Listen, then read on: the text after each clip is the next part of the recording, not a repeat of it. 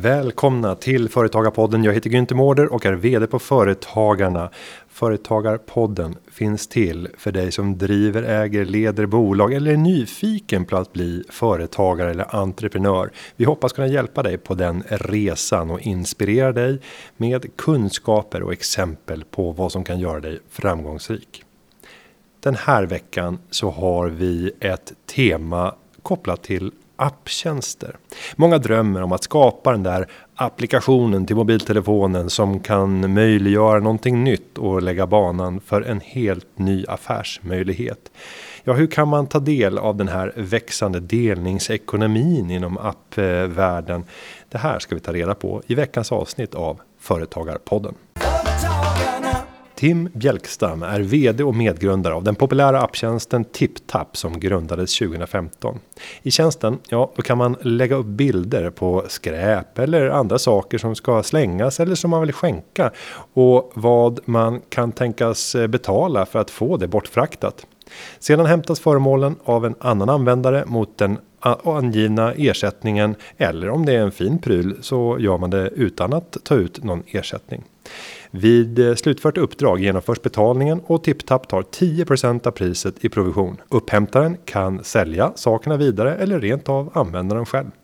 Jag säger varmt välkommen till Tim. Tackar. Hur eh, kom du på den här idén? Det var faktiskt min medgrundare David som hade själva idén. Vi hade träffats teamet bakom TipTap innan och diskuterat en hel del olika tankar om eh, företag vi skulle vilja liksom satsa på och bygga eh, inom delningsekonomin. Men vid det tillfället så hade vi faktiskt eh, inte rätt idé. Eh, vi gick lite skilda vägar men sen hade David den här snilleblixten. Han stod lite smått besvärad i eh, en överfylld garderob i Vasastan fylld av liksom, eh, återvinning och prylar som han någonstans inte mäktade med att ta ut till återvinningsstationerna. Och då tänkte han att det måste banne med finnas ett smartare sätt att kunna få hjälp med det här ibland. Eh, och kom på den här idén om en crowdsourced recycling som man kallade det i början. Och han skickade givetvis det här direkt till mig men ironiskt nog så hamnade det här faktiskt i min skräppost för han skickade det som ett MMS till min mail och det blev en eh, ja, då fastnade det i mitt spamfilter helt enkelt. Så det var en slump att jag såg det ett par veckor senare och han trodde fullkomligt att jag hade dissat honom. Exakt. Mm. Eh, men eh, jag tyckte ju självklart när jag väl fick syn på det här, det var ju faktiskt ganska kul, och det var ju en, en jättebra idé. Det var ett, ett, konkret problem som vi kände att vi absolut kunde lösa med liknande tankar som vi haft för andra tjänster inom delningsekonomin.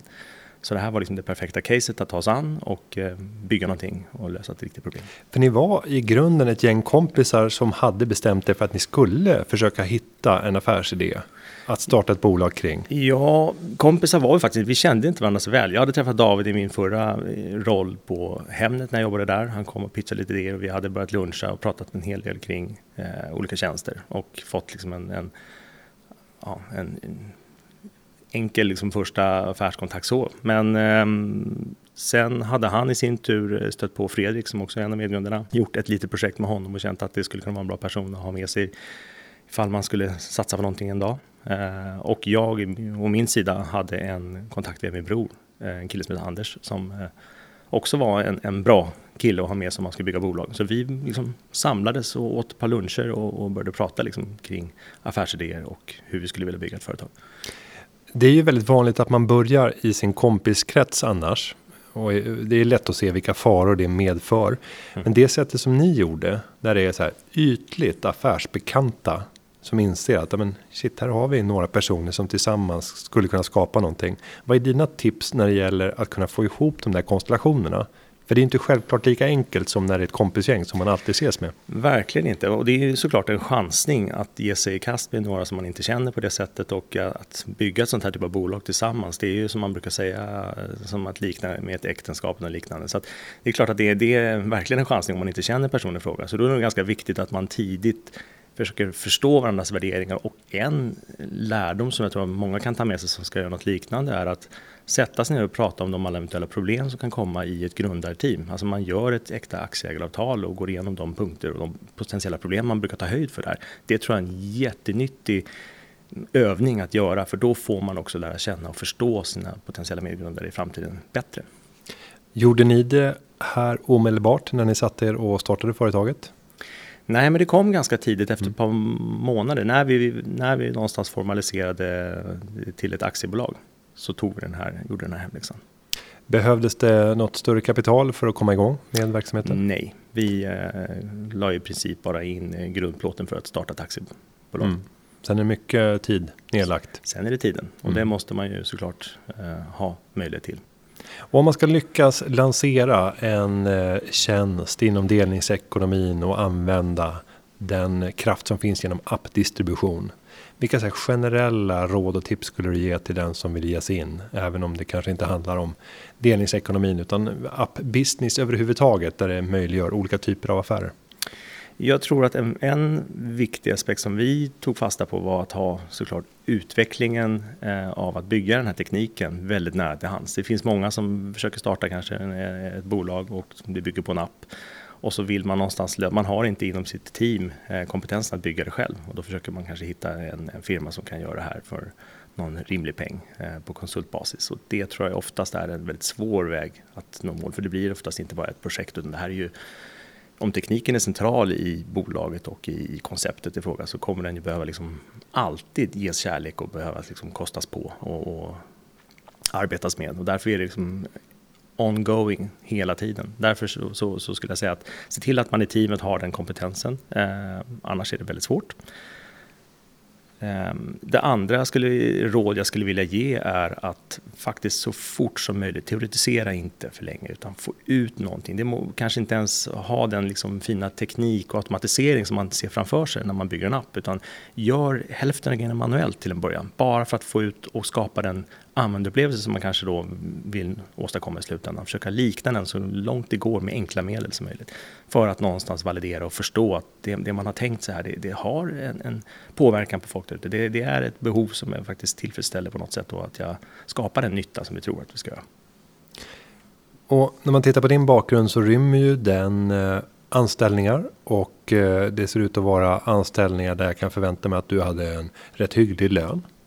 Eh, det krävs att man har ett mod att säga nej till en sån karriär som man har börjat för att kasta sig in i företagandet när man vet att fortsätter jag på den här banan så kan jag nog eh, så byta jobb vart fjärde, vart femte år. Då gör jag ett lönelyft på 20-25% däremellan så kan jag ligga på en 3-4% varje år. Hur skaffar man det där modet att lämna den där operativa tjänstemannakarriären till förmån för företagandet?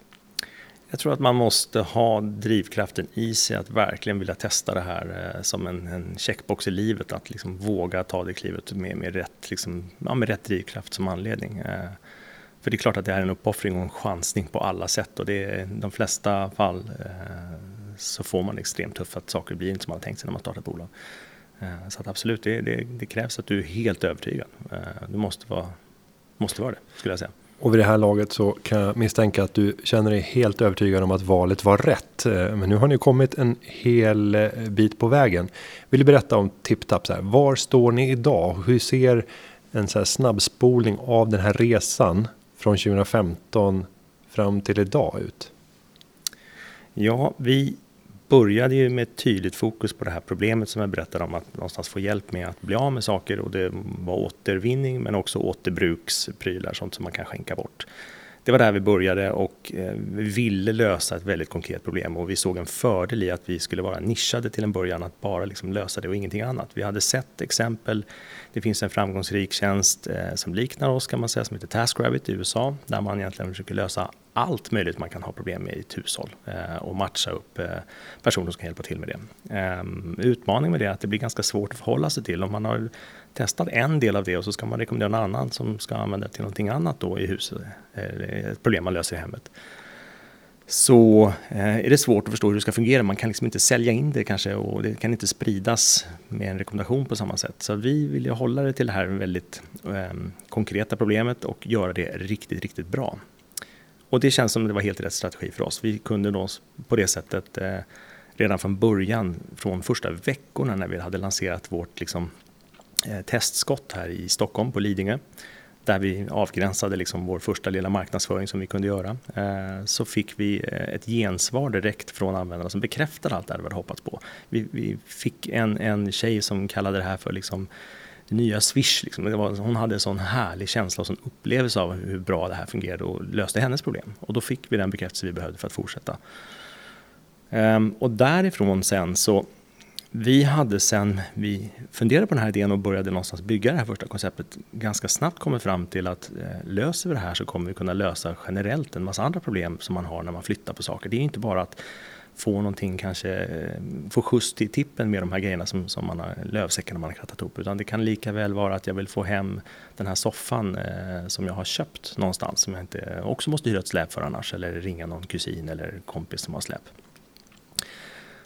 Och det hade vi i, liksom, i tankarna hela tiden. Men sen så fort vi hade lanserat så märkte vi att även användarna själva eh, såg det här också. Man, man, hade alltså en, en tjänst där man kunde få tag i någon ganska snabbt på kort varsel.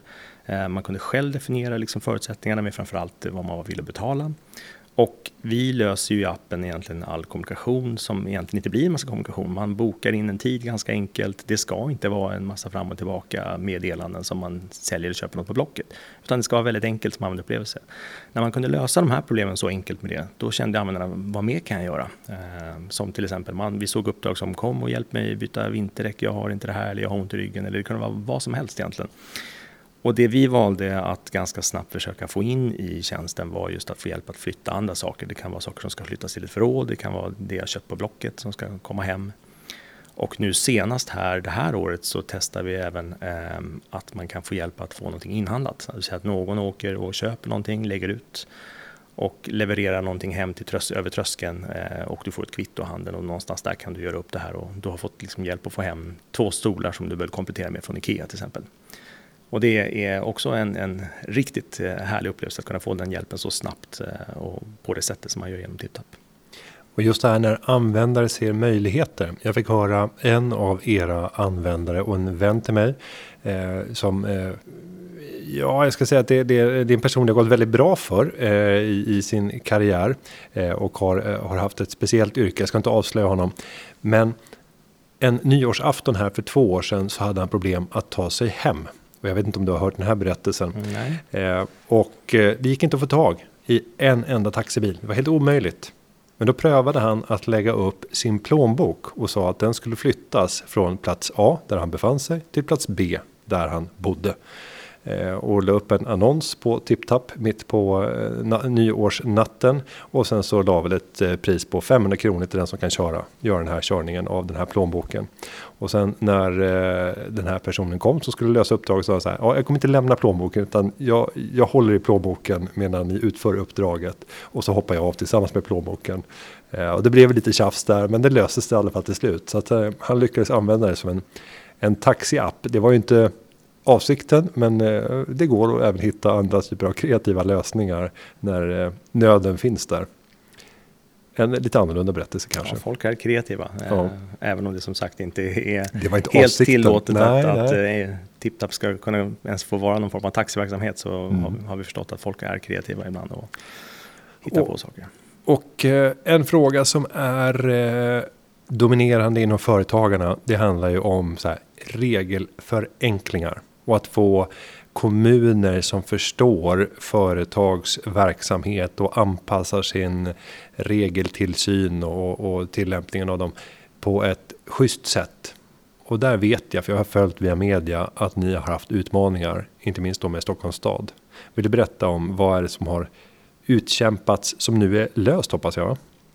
Ja, vi fick ju ett domslut här i maj i år eh, som var väldigt tydligt och till vår fördel till slut efter en lång process. Eh, om man backar bandet så eh, Miljö och hälsoskyddsnämnden i Stockholm som har uppdrag att eh, utöva all tillsyn av all form av avfallsverksamhet eh, och avfallstransporter eh, hade kontaktat oss eh, i, ska vi se, i slutet av 2017 eh, kring att vi eventuellt skulle kunna ses som avfallsmäklare och då behöver man anmäla sig hos Länsstyrelsen eh, och följa vissa regler kring det. Vi eh, fick då tillfälle att förklara vår tjänst, hur den fungerar, att vi eh, genom Tittapp egentligen fungerar som en marknadsplats, som en anslagstavla där vi kan koppla upp privatpersoner som kan hjälpa varandra med de här sakerna, som att till exempel då köra någonting till eh, återvinningscentralen eh, en helg och Um, inte mer med det, de förstod samtidigt att det här kan vi inte riktigt se tydligt i, i lagstiftningen om hur det ska gå till. Och det man hänvisade till var att man egentligen i, i Stockholm i alla fall eh, måste då enligt eh, nämnden och enligt de bestämmelser som finns här själv transportera sitt avfall eh, från sin fastighet till tippen. Och ingen annan får vara inblandad i det. Det vill säga det innebär att du inte kan åka hem till din mamma och hjälpa till och lasta upp några grejer och köra det till tippen åt henne utan hon måste sitta i bilen rent formellt när ni kör in på återvinningscentralen. Så det var ju stöttestenen som sen ledde till att man i den här nämnden senare fattade ett eh, beslut om att förbjuda tipptapp med hänvisning till att det inte var tillåtna transporter. Och det ledde i sin tur till en, en, lång process då där vi har fått stöd av Centrum för rättvisa som eh, är en eh, organisation som hjälper företag eh, och privatpersoner som någonstans hamnar i kläm med myndigheter. Eh, I det här fallet så såg man att det här skulle inskränka näringsfriheten att gå in med ett sånt pass hårt eh, typ av förbudsbeslut på hela vår verksamhet baserat på det här, där det inte ens fanns, som man uppfattade det, stöd i lagen det fanns ingenting som man kunde peka på som faktiskt var att, att eh, lagen i sig förbjuder detta utan det, det som det här har landat i att det står i kommunens egna föreskrifter som man har för att komplettera vad lagen säger för att styra lite hur avfall ska hanteras till exempel i en kommun. Um, och det har varit vår, vår förhållningssätt, eller vår förhållning till det här hela tiden att vi ehm, vi tillåter ju inte några yrkesmässiga transporter, det sker inte någon stor skala. Man kan inte i tipptapp eh, få en så pass stor inkomst att man kan riskera att anses vara yrkesmässig. Eh, så att det är inga yrkesmässiga transporter och därmed så är det fortfarande privatpersoner som hjälper varandra och det finns eh, och borde absolut inte heller gå att tolka finnas någon sån bestämmelser som skulle förbjuda det. Det vore ju vansinnigt och det tycker nog de flesta. Ehm. Men en sån här process måste ju ta väldigt mycket kraft. Även om det nu har faktiskt eh, stadfäst att ni har rätt att bedriva den verksamhet som ni gör. Så måste det ju ha sugit musten ur er under den här perioden och tagit massa energi från att faktiskt bygga och utveckla bolaget. Absolut, det är klart det gjorde det och det känns på något sätt eh, när man är ett nystartat bolag och ska vinna liksom användarnas och allmänhetens förtroende på många olika sätt att då har en sån här sak emot sig, rubriker som misstolkar detta, ibland till kommunens och stadens fördelar och, och pratar om förbud, att någonstans har man gjort någonting fel. Att man ska gå i försvarsställning direkt. Det är ju såklart att det är jobbigt och det har varit krävande av oss som team. Samtidigt har vi fått ska jag säga, ett enormt stöd av både användare och olika företrädare i näringslivet som har kommit till oss aktivt och sagt att det här verkar helt vansinnigt och vad kan vi göra? Så det är klart att vi har fått också en uppbackning som har varit ganska imponerande att se när vi har någonting som är så uppskattat som tipsat. Så att eh, det är inte bara av ondo på något sätt, men klart att processen har tagit, och, eh, tagit tid och varit ganska besvärlig för oss och kanske lagts lite som en våt filt över att kunna springa på och bygga vidare på det vi har. Men någonting som man kan lära sig som företagare när man råkar ut för eh, att hamna i kläm, vilket jag sannolikt misstänker att ni kände att ni gjorde genom mm. det här domslutet och den process som drevs sen.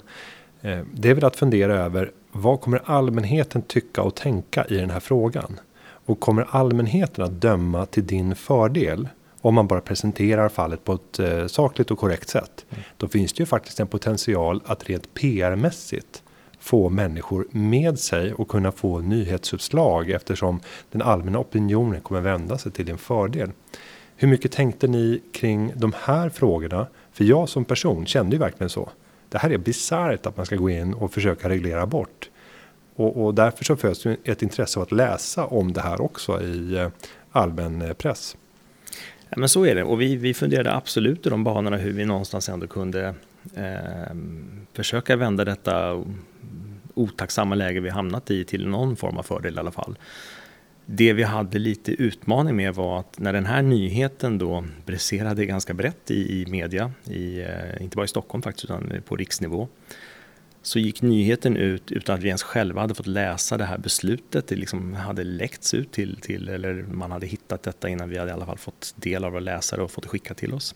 Så vi hamnade ju direkt lite i, i ett, eh, på efterkälken där, men det märkliga var också att det gick så fort att sätta en mediebild om att vi var förbjudna. Det, jag menar, TipTap var förbjudet, så vi fick ägna ganska mycket energi åt att bara få ut att vänta nu, vi har fått ett förbudsbeslut emot oss, men det är inte verkställt. Det innebär att eh, så länge vi överklagar så får vår verksamhet fortsätta som, som den har gjort. Eh, och det tog ganska mycket, det tog lång tid och det var svårt att få ut så att vi tappade ju såklart eh, tillväxtkraft och liksom användare som, som inte visste, som tvekade och inte förstod.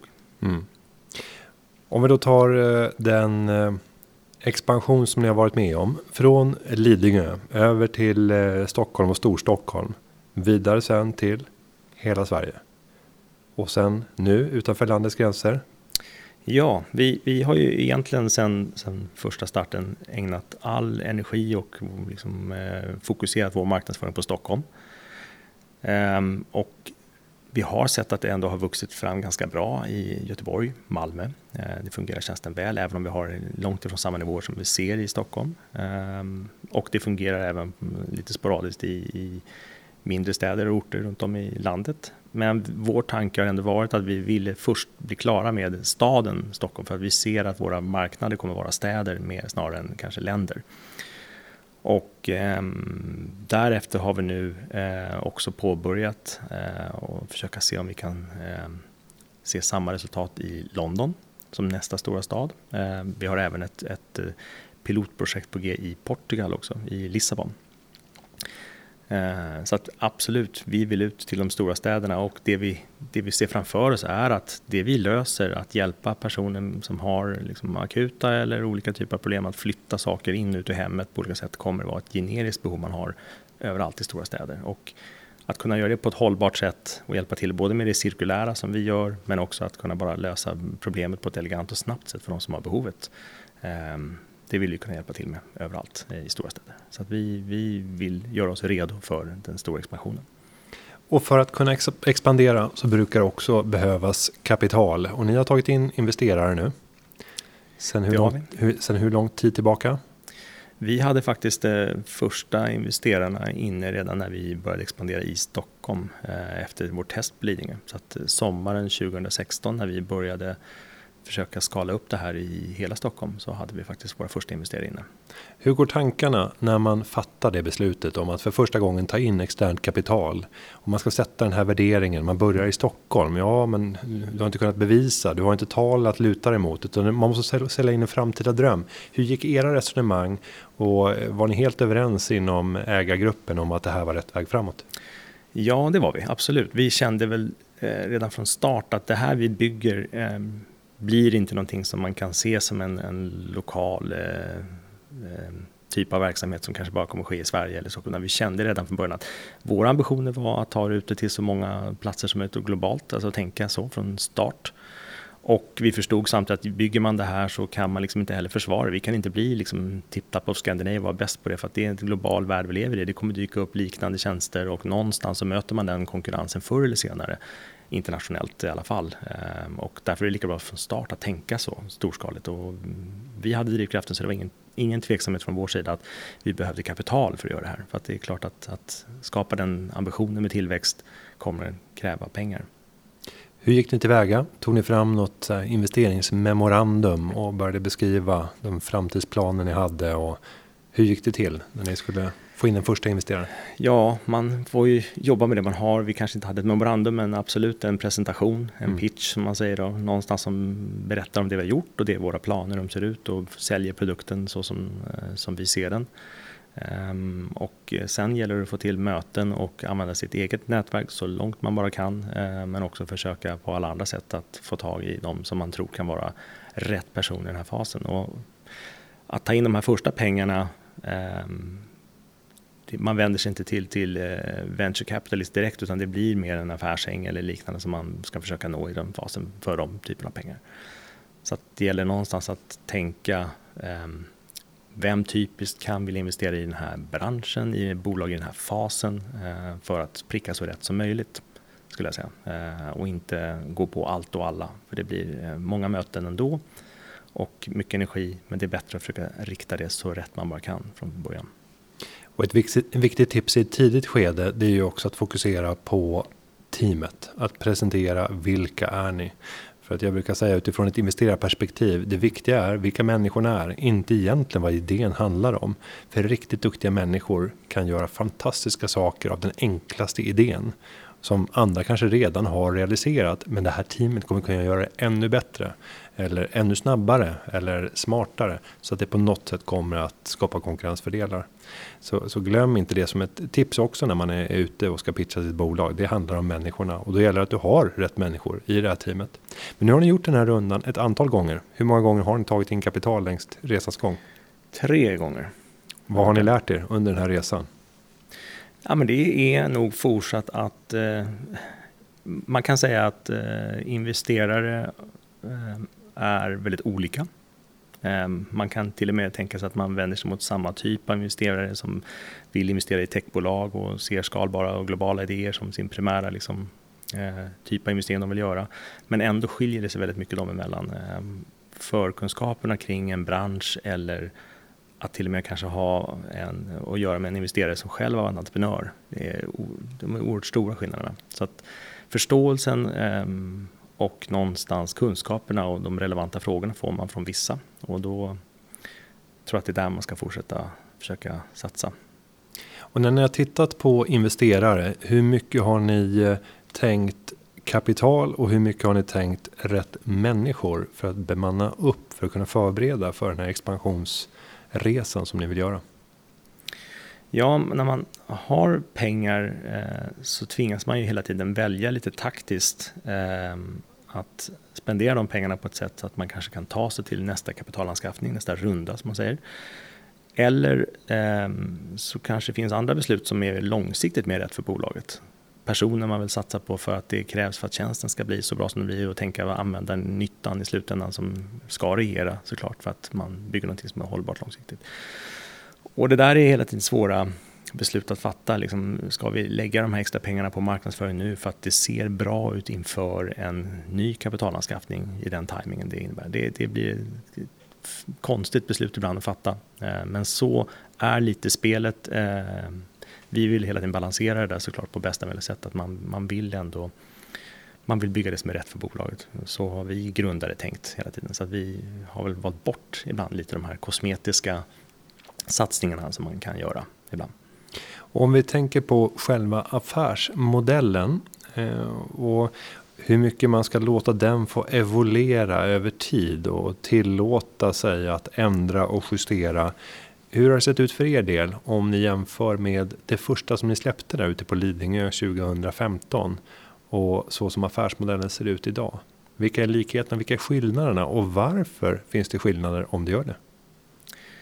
I vårt fall så är nog tjänsten väldigt lik den första version vi faktiskt släppte. Det skulle jag nog ändå vilja påstå. Det kanske inte är så vanligt. Eh, vi var nog liksom villiga att tänka om och ändra på både affärsmodell och vad vi gör. Och vi har ju såklart utvecklat den och breddat tjänsten men grunden är ganska lik den första eh, versionen av appen vi kände, eller vi släppte.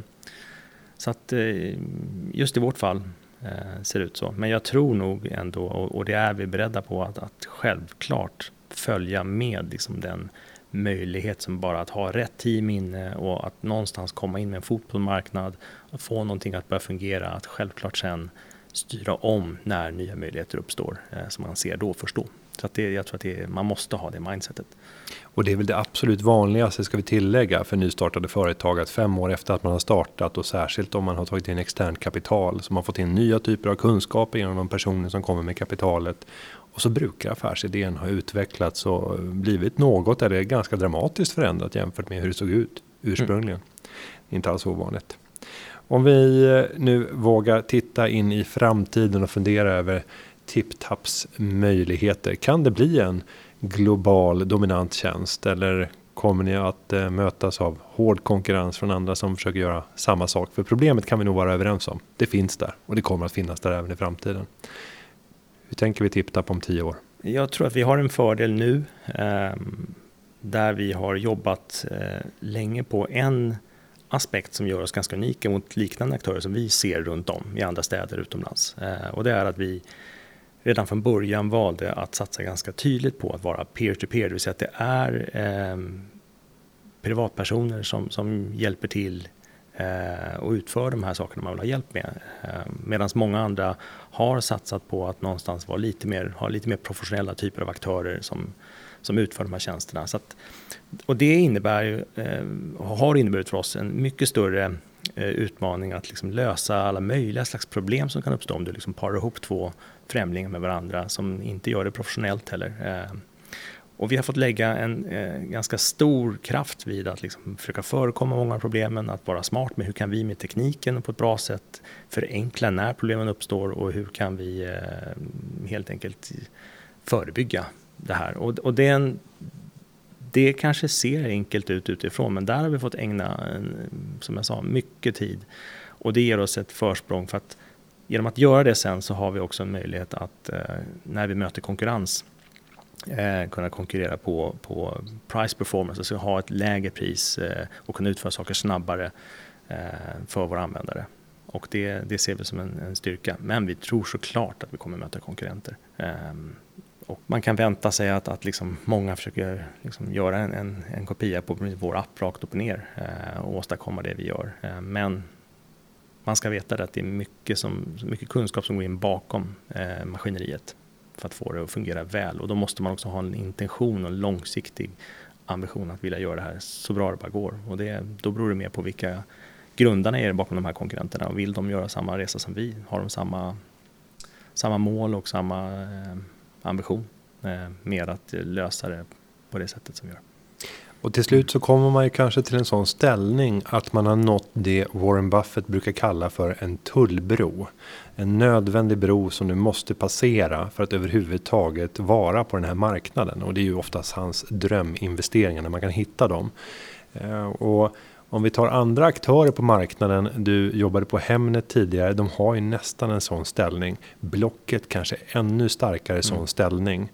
När man med en tjänst som i grund och botten är ganska risig om vi tar Blocket. Det är inte imponerande. Nej. Det var imponerande 1999, men det är det inte idag och det har inte alls utvecklats i den takt som användarna har utvecklats. Men ändå så är det ingen som har lyckats ta över den där tronen trots att man har erbjudit kostnadsfri annonsering för att de är tullbron. Du är eh, first choice, det första som dyker upp i huvudet när man ska sälja någonting och då står man beredd att lägga den där 20 eller 40 kronor för att lägga in en annons. Mm. Ehm, hur tar man sig till en sån där ställning? För det måste ju väldigt många företag drömma om att få bli det där tullbrosföretaget. Alltså generellt när det gäller marknadsplatser är det precis som du beskriver. Winner takes all och det handlar många gånger om att komma in först och bygga det starka varumärket eh, och, få bli synonymt med en, en tjänst på något sätt. Som Blocket som du tar upp som ett exempel. Eller Alta Vista. Jag menar, ja vi är hyggligt jämnåriga, mitten på 80-talet. Va? Mm. Eh, och då var det ju Evreka och Alta Vista. Mm. Det var ju det första som mötte oss på internet. Mm. Och sen fick man höra ordet googla. Det var en mm. bit in på 2000-talet tror jag till och med. Eh, och då hade man ju använt sökmotorer under lång tid. Mm. Men ändå så lyckas de stjäla världsmarknaden. Mm. Det där är ett spännande exempel på hur man kan faktiskt ta sig in i redan befintliga strukturer och ta över marknaden. Men så är det. Samtidigt så skulle jag nog vilja säga att, att eh, användare idag kräver mer, precis som du beskriver, Blocket kanske nästan är en risig upplevelse idag. Om Man benchmarkar och jämför med andra tjänster vi har hunnit vänja oss vid nu så tycker man att man får inte så bra upplevelse. Varför kan de inte lösa det här på ett elegantare sätt? Och jag tror att alla som vill lyckas nu på lång sikt måste någonstans eh, vara snabbare i cyklerna med att innovera sin produkt, att anpassa och tänka. Alltså jag tror att kraven ställs, som ställs från användarna är bara betydligt tuffare nu. Och att vinnaren tar allt, men till en viss gräns skulle jag säga. Sen, sen, eh, man vet kanske inte vad det är som får en användare att plötsligt fly in i en ny tjänst och vad som får dem att någonstans lämna. Men, men det finns saker och därför kan man inte, tror jag, ta en allt för mycket tillbakalutad position. Om vi tittar sen vidare på framtidsspaningen när det gäller delningsekonomin och gigekonomin. Eh, ibland så får man höra lite så här raljerande kommentarer om gigekonomin och så säger de ja gigekonomin i Sverige den omsätter lika mycket som marknaden för päron. Eh, och sen så kan man bara lämna diskussionen där och fokusera istället på det gamla och det traditionella. Eh, vad tror du? Kommer det att stanna vid att vara omsättningsvis i linje med omsättningen för päron i Sverige? Eller är gigekonomin någonting som kommer växa och bli ett dominerande inslag på den svenska arbetsmarknaden? Vad tror du? Jag tror att man kanske först måste bestämma sig för vad man menar med gigekonomi. Därför att modellerna som gigekonomin har fört med sig, att man på ett smartare sätt matchar ihop eh, en efterfrågan med ett utbud Ehm, och gör det på ett flexibelt sätt. Absolut, det kommer att behöva finnas i, på alla möjliga eh, platser i samhället och mellan företag och mellan privatpersoner och företag och så vidare. Så det, det, tror jag verkligen. Ehm, som ett exempel, jag vet inte om man då ska kalla det gigekonomi, man får skilja på på eh, begreppen gigekonomi och delningsekonomi kan ibland liksom, eh, blandas samman något. Eh, men att, att man eh, tidsanpassar sina liksom, eh, behov. Så ett företag som behöver bemanna ett projekt, ett ganska stort projekt under en kortare period kommer ju behöva titta på sina processer, hur man, hur man får tag i den personalen eller om det är utrustning som man behöver i ett byggprojekt eh, så kanske man inte ska äga den utan snabbt kunna hyra in den. Och där kommer de här modellerna i alla fall att verkligen påverka tror jag framåt. Och sen om det i sin tur leder till att det hotar anställningen. Jag vet inte, det tror jag kanske inte på lång sikt, men att vi har hybridlösningar någonstans, att det inte är eh, så svart och vitt som det är idag. När man eh, från lagstiftningens håll försöker liksom hålla fast vid det gamla. Det tror jag blir tufft, för att vi kommer behöva ha, ha möjligheten att kunna ta och hjälpa till och göra uppdrag på olika sätt. Små som stora, på ett flexibelt sätt. Det som man som företagare ser när det kommer till företagarnas politiska agerande. Det är ofta frågor som är här och nu och som just nu diskuteras till exempel typ arbetsrätten och moderniseringen av arbetsrätten just nu.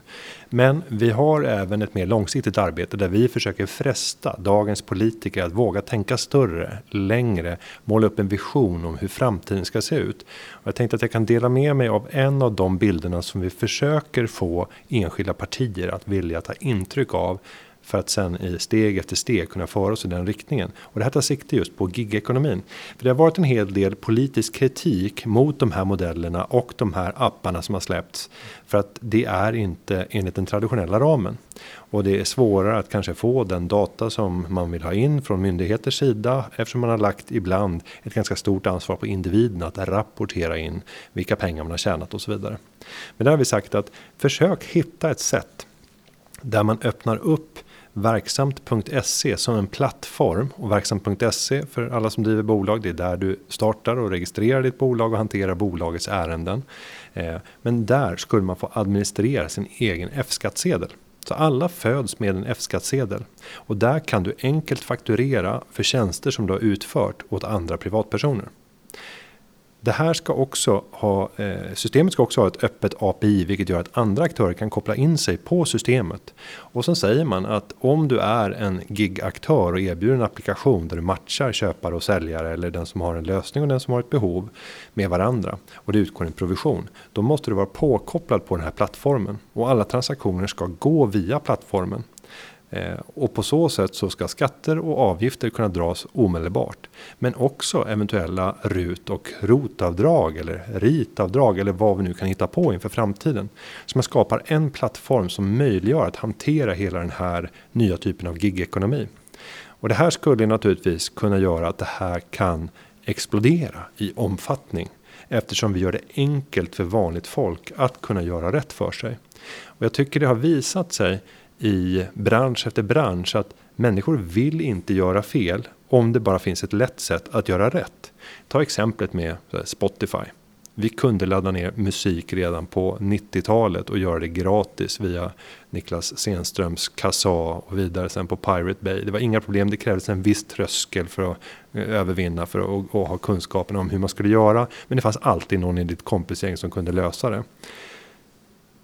Men när sen tjänsten kommer för 99 kronor i månaden, sannolikt mer än vad de flesta svenskar köper CD-skivor för, att du får tillgång till världens all musik, ja då stod man beredd att sluta upp med det beteendet. För att det blev lätt att göra rätt och det gav en bra användarupplevelse. Så just den här typen av mer långsiktig politik kan vara intressant att höra för lyssnarna också. Att vi försöker fresta politiker att bygga en berättelse om vad det är de vill göra långsiktigt och ge dem fragment och stoff som de kan bygga den berättelsen på och också försöka att fundera på hur sätter vi det här i en kontext där vi ska fatta beslut här och nu för att leda Sverige i en riktning som möjliggör en sån här typ av, av ekonomi framåt. Vad tänker du när du hör den här typen av hantering? Om vi tar, man föds med en F-skattsedel, administreras på verksam.se, TipTap kan koppla upp sig på den här skatter och avgifter och eventuella ROT och rutavdrag och liknande.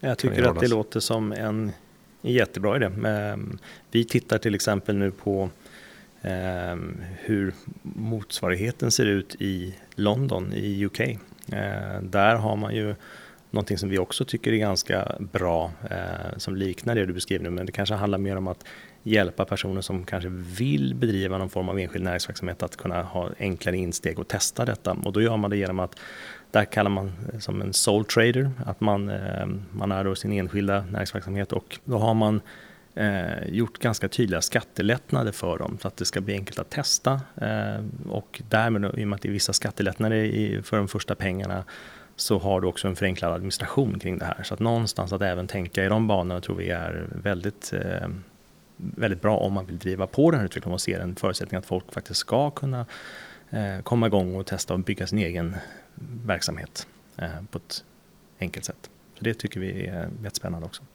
Ja, spännande. Vi får fortsätta att driva frågan om att eh, skapa den här verkligheten där alla föds med en F-skattsedel tillsammans. Tim, jag vill säga ett stort tack för att eh, du kom till eh, Företagarpodden. Jag ska göra ett avslöjande avslutningsvis också. Jag eh, är ju inte den som har bokat upp dig för den här intervjun. Jag blev bara väldigt glad när jag såg att du skulle komma. För jag är ju också en stadigvarande brukare av tjänsten. Så sent som i lördags hämtade jag upp två stycken byråer på Ulvsundavägen och körde hem till Sollentuna. Och när jag gjorde i ordning mitt nya hem så valde jag att pröva Går det att inreda ett helt hem bara med tipptapp och bortskänkesannonser på Facebook och lite samtal med vänner för att höra om de ville bli av med saker. Och det var fullt möjligt. Eh, och jag tror att lejonparten, jag tror det är 60% ungefär av, av hela min inredning är genererad via TipTap. Fantastiskt. Och det roliga i sammanhanget, det är ju att jag har nog testat fyra stycken matbord och matsalsmöbler innan jag slutligen valde vilken jag skulle ha. Och varje gång som jag har hämtat någon, och jag har inte fått betalt utan det har varit bortskänkes. Eh, så varje gång jag ska göra mig av med den så eh, man brukar ju tala om takers eh, or givers i, i olika sammanhang. I, I, just det här sammanhanget i, i TipTap så är jag en, en eh, taker. Eh, så jag har i mina stats noll gives. För när jag har velat bli av med någonting så är det ingen annan som vill ha det. Eh, för om inte ens Günther Mårder vill ha det då, då är det nog kört. Då är det tippen som gäller. Och då åker jag själv och slänger det. Eh, men eh, ja, vart vill jag komma? Nu snurrar jag in mig själv i något, något eh, resonemang här. Du är en glad och tacksam TipTap-användare i alla fall. Absolut. Ja. Så det gläder mig. In, in, och, eh, in och testa. Eh, och det ger också eh, skäl till ganska ofta roliga möten. Dock inte nu ska jag säga, utan nu är folk väldigt noggranna med att här, de hjälper och ställer utanför dörren. Så att man inte ens har kontakt med, med varandra under de här coronatiderna. Vi har uppmuntrat dem till det, mm. skickat ut information om att det är viktigt att nu när man kan, att man mm. gör det. Nej, så det har funkat väldigt bra. Och eh, om det är någon som vill se hur, eh, hur hemmet blev till slut så kan jag tipsa om Uppdrag Mat från Aftonbladet. Där jag visar upp mitt hem eh, när Mauri är hemma och lever som Sveriges snålaste person. Det får bli ett här helgtips till alla. Med det Tim, stort tack för att du kom till Företagarpodden. Tack för att jag fick komma. Och jag ska säga att underlaget för den här podden den har förberetts av David Hagen och klippningen den är gjord av Petra Chu. Vi hörs igen nästa vecka. Ha det så gott. Hej då! Företagarna Ja, ja, ja, ja, ja, ja Företagarna Ja, ja, ja, ja, ja, ja